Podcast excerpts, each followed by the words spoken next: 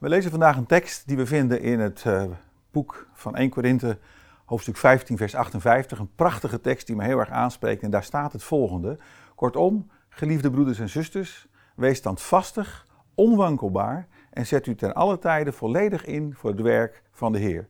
In het besef dat door de Heer uw inspanning nooit te vergeefs is.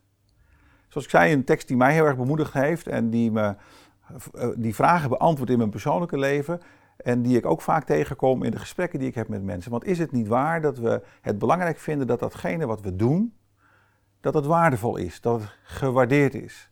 En tegelijkertijd is het lastig dat als we heel erg afhankelijk worden van de waardering van anderen in datgene wat we doen, dat we eigenlijk afhankelijk worden van smaak.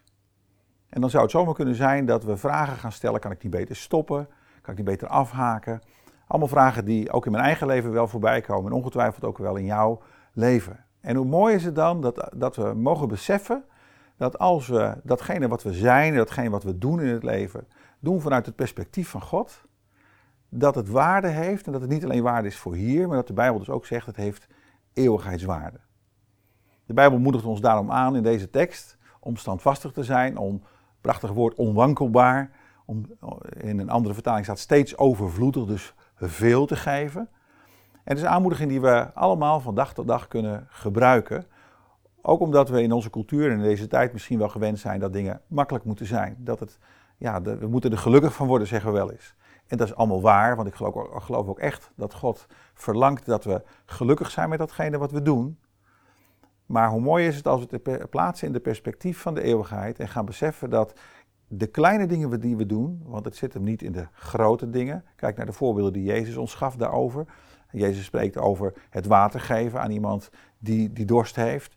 Jezus heeft het over bezoeken van mensen die in eenzaamheid zijn of in een gevangenis. En dat doet me beseffen dat de kleine dingen in het leven het verschil kunnen maken in het leven van een ander. En daarmee ook van eeuwigheidswaarde zijn. Ik wil je eigenlijk aanmoedigen en uitdagen om op een uh, eenvoudige manier waarde te zien in je eigen leven en waarde toe te voegen aan het leven van een ander. En dan ga je merken dat in de kleine dingen eeuwigheidswaarde zit. Wees standvastig en onwankelbaar, steeds overvloedig, want het is niet te vergeefs.